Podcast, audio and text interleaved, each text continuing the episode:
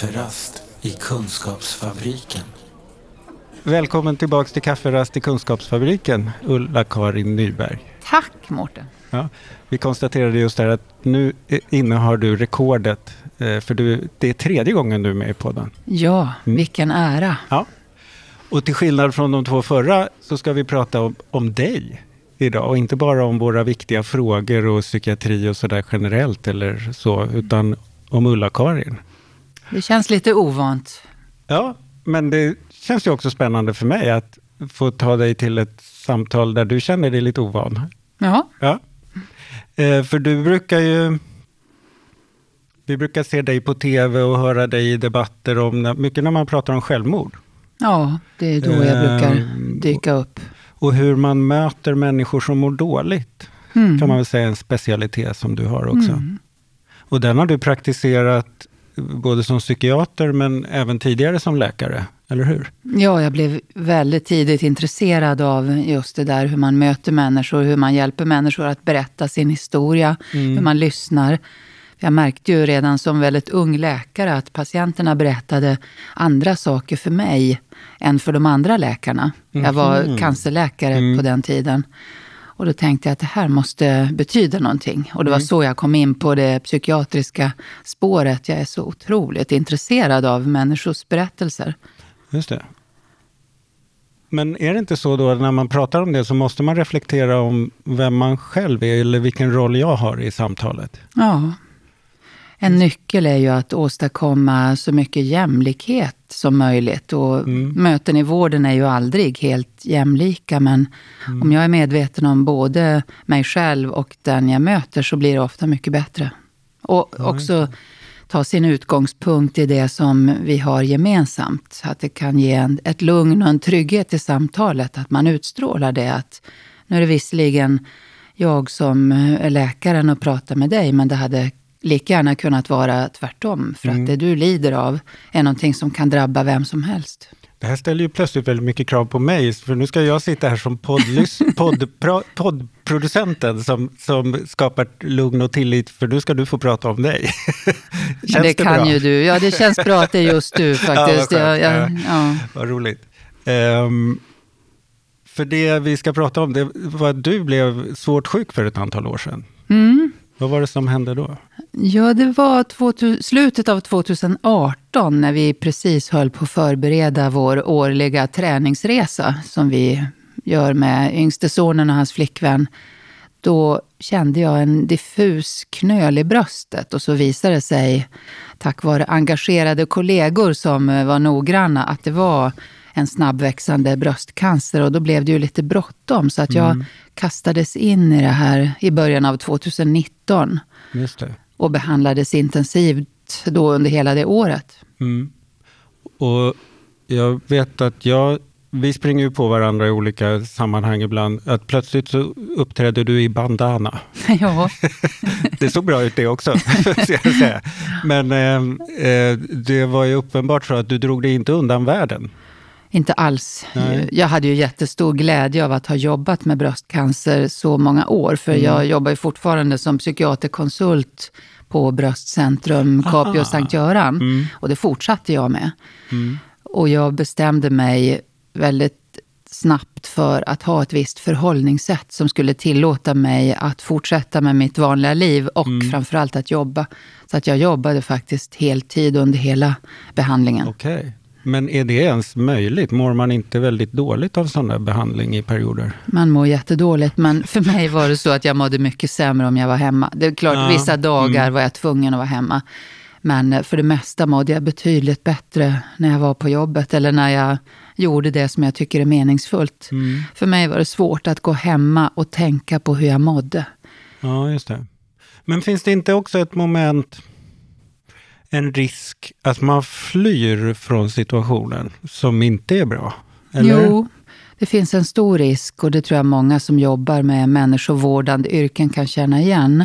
Att det är så lätt att lägga sig själv åt sidan till förmån för någonting annat. Och det är också sånt som jag lär ut. Hur viktigt det är att ta hand om sig själv, att lyssna på sig själv med intresse och engagemang. Att inte glömma bort att man mm. är ett viktigt redskap. Nej, just det. Så att man får inte slarva. Nej, men det. men det var därför det var så viktigt för mig att, att hitta ett förhållningssätt. Så att mm. jag bestämde mig för att när jag var i vården, då var jag patient. Mm. Helt och fullt. Eh, då släppte jag allting annat. Men så fort jag lämnade sjukhusinrättningen eller vårdinrättningen, då blev jag mig själv. Mm. Eh, som levde mitt vanliga liv med de begränsningar som det innebär att gå igenom en tung behandling. Ja, just det. Men jag tänker också rädslan och sorgen över att ha blivit sjuk lämnar man väl inte bara för att man inte just nu är patient? Nej, men jag var inte så rädd och jag var mm. inte så ledsen heller faktiskt. Jag, nej, tror, nej, jag, jag mm. tror att jag har jättestor glädje av att ha jobbat med självmord och jobbat med mm. svåra situationer i hela mitt vuxna liv. Så att det finns med som en följeslagare i mitt liv. Jag tänker alltid att vad som helst kan hända när som helst. Och det kan hända mig också.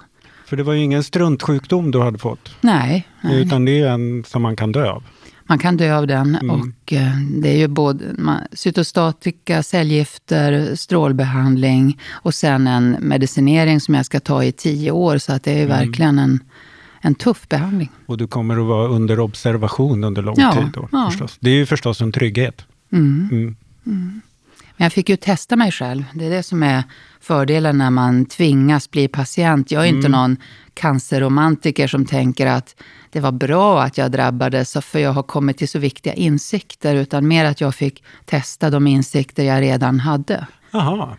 Så jag testade. Stämde de då? Ja, de gjorde ju det. vad, vad härligt. Vad var det som... Hur, vad var det du kunde liksom checka av då? Så att säga? Till exempel det här att jag har varit noga med mina prioriteringar. Vad är viktigt för mig? Vad kan jag inte slarva med? Om jag får veta att mitt liv ska förkortas av sjukdom, vad skulle jag då vilja ändra på? Mm. Hur vill jag att människor ska minnas mig? Mm. Det är en sån här viktig fråga. Eh, hur jag, hur jag avslutar med mina pojkar till exempel. Jag har tre söner som är vuxna. Så tänker jag alltid, när vi säger hej då, att det kanske är sista gången vi ses. Och det kan mm. låta skrämmande, mm. men det är ju en realitet. Mm. Eh, och det, det, det är ett sätt som... att, att sätta, inte guldkant på, men att understryka situationernas allvar eller viktighet. Ja, betydelsen, mm. ja, betydelsen. Av, av, möten. Mm. Och, det är någonting och som relationer. Jag, och relationer. Mm. Ja. Som ju förstås kan vara lite skrämmande att ta på sådär konkret. Mm. Men det, det, det, det, hade du liksom förberett dig på och nu kunde du manifestera att det går att känna den betydelsen av relationer till exempel. Mm. Mm.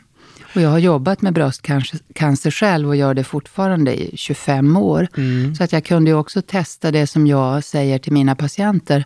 Och jag fortsatte att jobba med bröstcancermottagningen under mm. hela min egen sjukdomsperiod. Träffade du patienter där? Eller? Ja, ja. ja. Och det var ju intressant. Vad hände då? då? När du träffade sådana som befann sig i samma situation som du? Jo, men jag, jag fick ju testa min egen professionella roll. Ja. Håller den? Mm. Därför att de kom ju till mig för att prata om sig själva. De kom mm. ju inte för att prata om mig. Och ha dig som förebild nej, som patient? Nej, och jag är inte särskilt representativ. Utan nej, mitt, mitt sätt mm. att mm. hantera det här är inte vad jag skulle rekommendera någon annan. Utan det är verkligen nej, okay. mitt sätt. Mm. Vad, vad skiljer din hantering av det mot vad du skulle rekommendera? Ja, bland annat att jag jobbade heltid under mm. hela behandlingen. Det skulle jag inte rekommendera, men det passade mig. Mm. Att jag tränade väldigt hårt under mm. hela behandlingen. Och då hade jag ju fördelen av att ha träningsvana. Men jag skulle aldrig säga det till någon. Oh. Eh, utan jag försöker att alltid börja på den personens nivå och utifrån vem det är som jag möter. Så att jag inte framhåller mig själv som någon slags förebild. Därför att eh, då, ger, då inger man lätt eh, skuldkänslor hos människor. Ja, just det. Att om du bara tar dig i kragen nu så kommer du kunna... Ja, just det. Då kan du göra som jag. Ja, just det. Nej. Jag inser att jag är privilegierad. Mm. Men, men jag hittade ett sätt som passade. Och, och det här att, att testa sin professionella roll Det var inte en enda gång under hela min behandling, och jag hade ju då mottagning utan hår. Mm. Ingen patient kommenterade det. Nej. Ingen frågade. Och jag har ändå varit öppen med min egen Mm. Ja, sjukdom. det, så att flera av dem kanske till och med borde ha känt till det. Ja, jag vet att flera gjorde det, men de, de eh, relaterade till mig som, utifrån den funktion som jag har. Och det tyckte jag var så stärkande ändå, att upptäcka att det finns kvar. Mycket förändras, men det finns kvar. Och andra delar av min personlighet finns kvar. Eh, Så man, det ställs på sin spets. Vem är jag? Kafferast i Kunskapsfabriken. Hittar du något nytt i dig själv när det där eh, ställdes på sin spets, vem du var? Ja, det var ju en intressant fråga. Nej, det gjorde jag nog egentligen inte. Jag, jag känner mig själv rätt väl. Jag har Ja. gått igenom ganska mycket, så att Mm. eh, det gjorde jag inte. Var det något sånt där som du hittade som du kände att det här är en del av mig som jag nog kände till, men den, nu förstår jag hur viktig den är?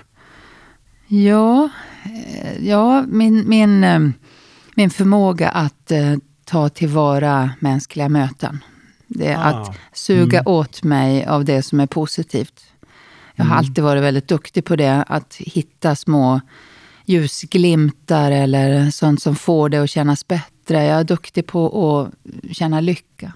Så jag, är, jag är rätt förnöjsam sådär till min natur. Och det kunde jag också i det. den här situationen. Man brukar ju prata nu för tiden inte bara om förmågan att känna, vara förnöjsam, utan att också känna förundran. Förundran är jag jättebra på Ja. faktiskt. Ja, och det, det har jag börjat använda mer eh, medvetet. Att jag stannar upp. Mm. Och det hade jag i och för sig gjort innan också, tack vare att jag har jobbat mycket med existentiella frågor. Mm. Men att jag stannar upp när jag känner förundran. Eh, när jag häpnar över något eller blir glad över något så, så ger jag det lite tid. Och det gör jag mer eh, Mm. Ja, efter min Ja. sjukdom. Jag, mycket mer faktiskt. Vad intressant. Mm. Och då gissar jag också att den där förundran kan komma i inte alls så märkvärdiga situationer. Nej, inte, det är vardagliga Mm. saker. Tillgängliga för alla. Det är verkligen ingenting märkvärdigt. Det märkvärdiga, det är jag ganska ointresserad av. Och det blev ännu tydligare. Det är inte det livet handlar om, utan det är verkligen det vardagliga som är det viktiga. Det är inte det, ga- som bär. galapremiärerna. Nej, nej, nej. nej, det. nej, nej. Mm. Är det något, om vi tittar på, vi kan väl använda din eh, erfarenhet av att träffa andra kvinnor med bröstcancer. Är det något som de, de ofta får, av de där råden du ger eller så, är det något som brukar vara extra svårt? Ja, det är väldigt svårt för människor att hitta sina egna resurser.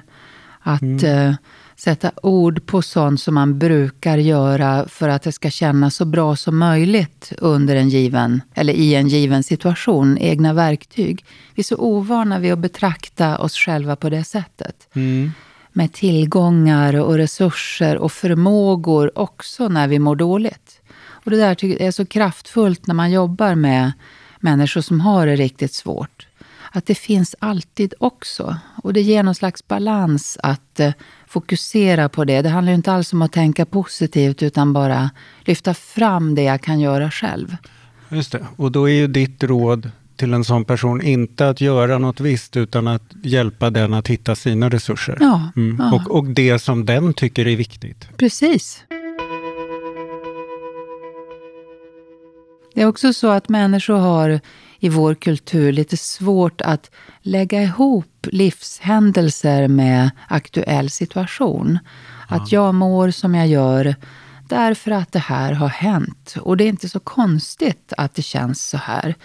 Eh, vi är ganska det. snabba att Mm. kritisera oss själva och tycka att det borde vara på ett annat sätt. Eh, att ja, men, prata vänligt med sig själv. Ja, men det är klart att du är ledsen och rädd och trött just nu. Det är inte så konstigt. Tänk på allt det du har gått igenom. Tänk på din stackars kropp. Din kropp är en hjälte eh, som har tagit dig igenom allt det här. Eh, och det kanske jag gjorde ännu lite mer. Att jag verkligen försökte tala vänligt med mig själv. Ja, just det. För du sa ju att du inte hade blivit så rädd och ledsen och så, men det kan ju också varit att du för, hade ett verktyg för att hålla det på en rimlig nivå. Ja, ja jag fick inte dödsångest. Får man dödsångest, det har man ju inte kontroll över. Nej. Ja, det, och det fick jag ju testa. Jag Mm. har alltid sagt att jag inte är rädd för att dö. Och det är ju lätt att säga innan man hamnar i en sån här Mm. situation. Men jag är faktiskt inte rädd för att dö. Jag är rädd för att lämna dem som jag älskar. Och det, det. blev ju ett tema naturligtvis. Att lä- tvingas lämna de som behöver mig. Ja, just det. Hur reagerade din, dina närmaste? De eh, hade nog också ganska stor hjälp av att jag var så tydlig i mitt förhållningssätt. Att jag, jag gick inte omkring och hoppades att de skulle bete sig på ett visst sätt, utan jag talade om vad jag behövde. Ah, ja. Och att jag tyckte att det bästa var att det skulle vara så vanligt som möjligt. Min man till exempel, han frågade mig, hur vill du att jag ska vara? Eh, Och då sa jag, som vanligt fast kanske lite mer. Och så hittade vi ett projekt åt honom för att eh, eh, han blev, han, man behöver ju någonting att ägna sig åt. För det tar tid att gå igenom en sån här behandling. Man är ju, jag hade inget behov av att människor skulle följa med mig. Eh, utan jag gjorde det här själv ganska mycket. Och då behövde ju han någonting att syssla med. ja, just det. Så att han inte bara satt hemma och, och, led och rullade tummarna. Ja, men visst. Och då började vi med ett projekt som hette En bild om dagen. Så att under det första året så tog han en bild om dagen av mig. En, en porträttbild. Jaha. Och så har han lagt ihop det till en ganska fantastisk eh, eh, större bild. Mm. Så tre, 365 bilder, ett collage kan man säga. Där man får följa. Ja, just det. Och det tyckte jag var intressant, för man minns ju inte hur man mår. Nej. Men på bilderna ser man ju det. Vad väcker det för känslor i dig efteråt när du tittar på de där bilderna? Då? Väldigt lite faktiskt. Jag, Ah, jag, men, mm. För jag är sån, eh, jag hanterar saker och sen sätter jag punkt och går vidare. Jag är inte sån att jag håller på och grubblar över Nej. det som har varit särskilt mycket, utan är på väg Nej. till någonting. Så att lite, ja, men, lite ömhet sådär för mig själv och för mina Utmaningen. närmaste. Ja, ju- ja, just det. Eh, Vad ni alla hade att gå igenom. Ja, Ja, ja. Vi gjorde ju det tillsammans även om jag inte kunde dela allting. För att den ensamheten ligger ju i att vara sjuk. Mm. Att det går inte att dela allting. Nej, Utan vissa saker måste man ta hand om själv och ensamheten finns ju i det. Då- Oavsett hur mycket sällskap och nätverk ja, man har. Ja, Mm. vissa saker måste man konfrontera på egen hand. Jag behövde inte bli besviken, Mm. för jag visste att det var så. ja, just det. Det har du fått förbereda dig på Mm. på något sätt. Ja, det, Även om du inte hade hunnit träna på det. Ja, Mm. just det. Ja, för, och, och det tänker jag också mm, oavsett sjukdom, om det är psykisk hälsa eller kroppslig hälsa, så är det ju också så att- det här med att återhämta sig, att hitta sin sjukdomsacceptans och, och sådana här saker. Den, det är ju det där, det är ju att jag behöver hitta mitt förhållande till mig och min, mina utmaningar som är, kan vara skrämmande innan man tycker att man hanterar det, men som i efterhand, tänk, om jag tittar på mig själv, kan ge en sån enorm stolthet. Att, att man har ridit ut eller igenom stormen och eh, inte blev samma som förra gången, men ändå att jag, ja, att jag har med mig den här erfarenheten som en, ett kapitel eller en Ja, jag tyck, jag tyck, nyans. ja, verkligen. Och jag tycker man blir lite mer orädd. Det här att Mm. veta att det går att ta sig igenom. Mm. Och att man inte behöver riskera att fastna. Att lita på sina egna verktyg och sin kropp. Ja, just det. För förlorar man tilliten till sig själv, då blir det ju värre förstås.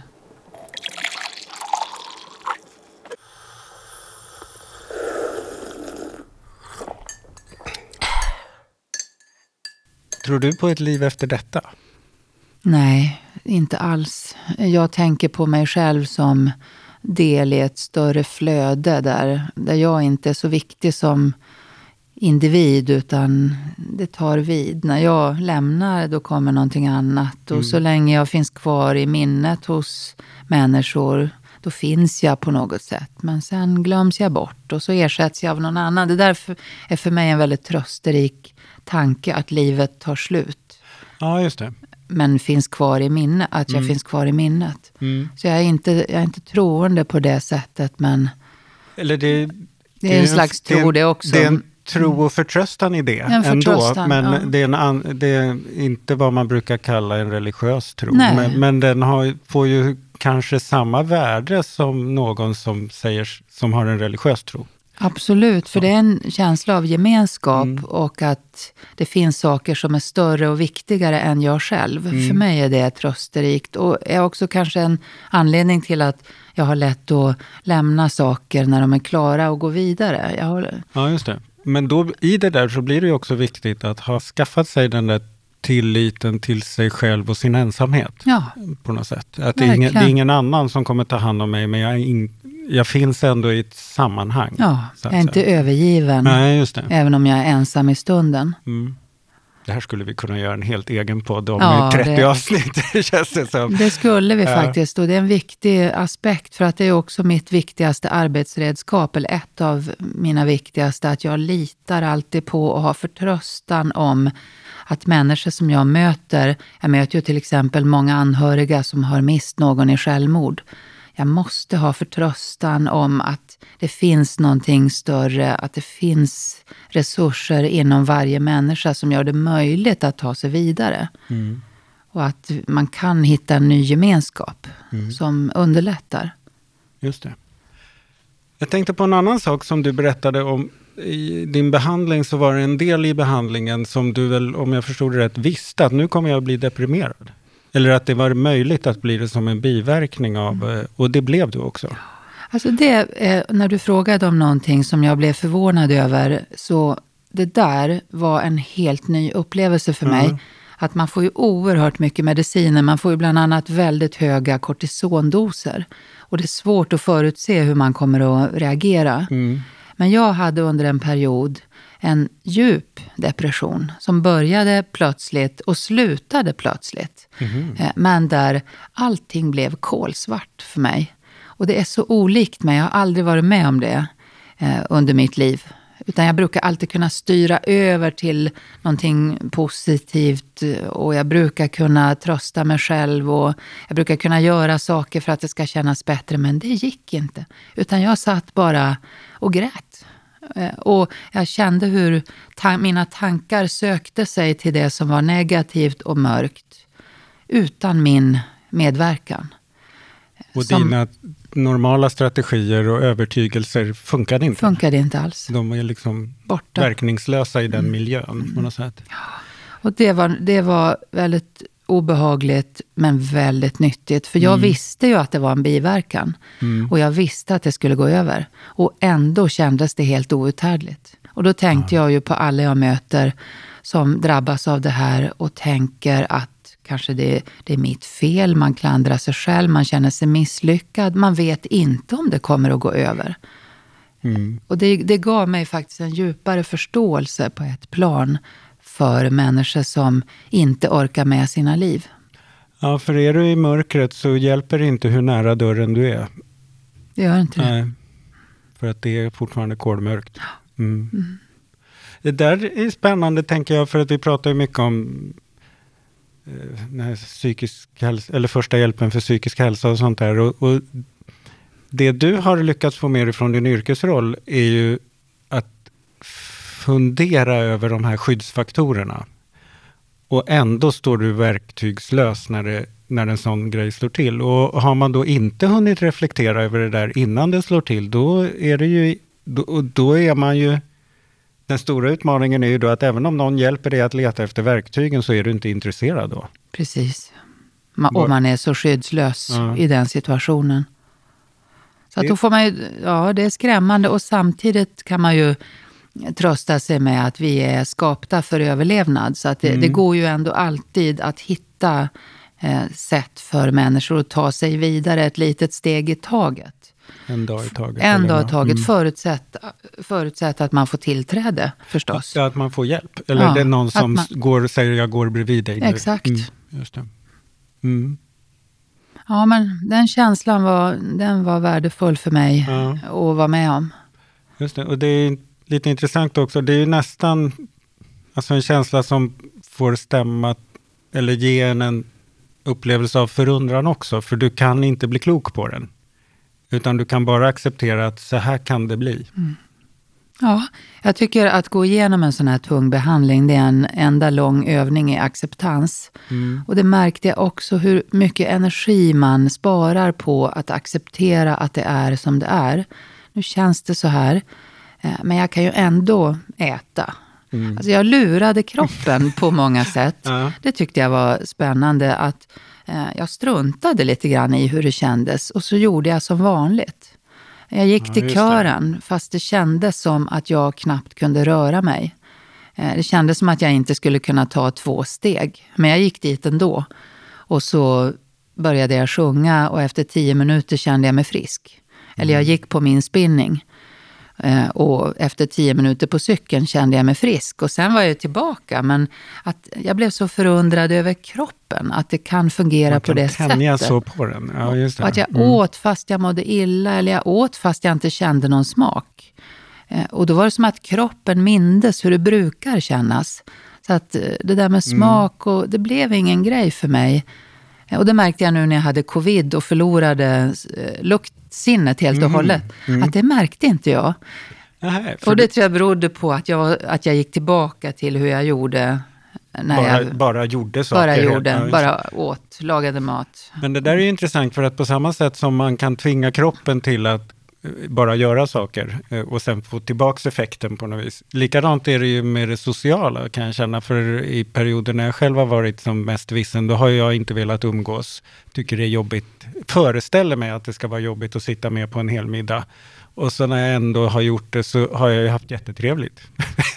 Och det visar ju också hur viktigt det är att det finns människor som kan vara lite sådär milt styrande. Mm. Att man inte lämnar allting upp till den som mår dåligt. Utan att man faktiskt talar om att jag vet att du inte orkar. Mm. Men vi gör det i alla fall, mm. för det känns ju bättre efteråt.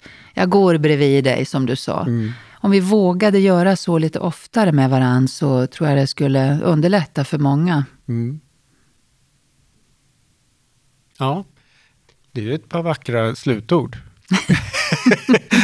och som sagt, vi får eh, fundera på en, en eh, helt ny poddserie också om det här med... Eh, det skulle vi kunna göra. Jag har ju haft naggat lite på det här temat med existentiell hälsa och sånt där. Och där, mycket av det vi har pratat om här är ju gods som passar där. Ja, det är det. Så.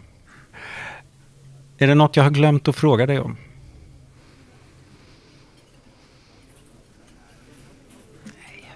Nej, det jag tycker nej. Och om jag har det så får vi anledning att ses ja, igen. Ja, ja. Stort tack för att du ville vara med idag också, Ulla-Karin. Tack snälla.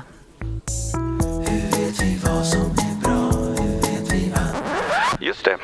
Några av er undrar säkert hur det har gått med Ulla-Karins cancer och hennes behandling. Jo, det har gått bra. Hon är frisk idag. Prognosen för att hon ska fortsätta må bra ser god ut och hon kommer, som hon berättade, gå på regelbundna kontroller under lång tid framöver. Den här podden görs av NSPH, Nationell samverkan för psykisk hälsa. Läs mer på vår hemsida www.nsph.se eller följ oss på Facebook. Kafferast i Kunskapsfabriken.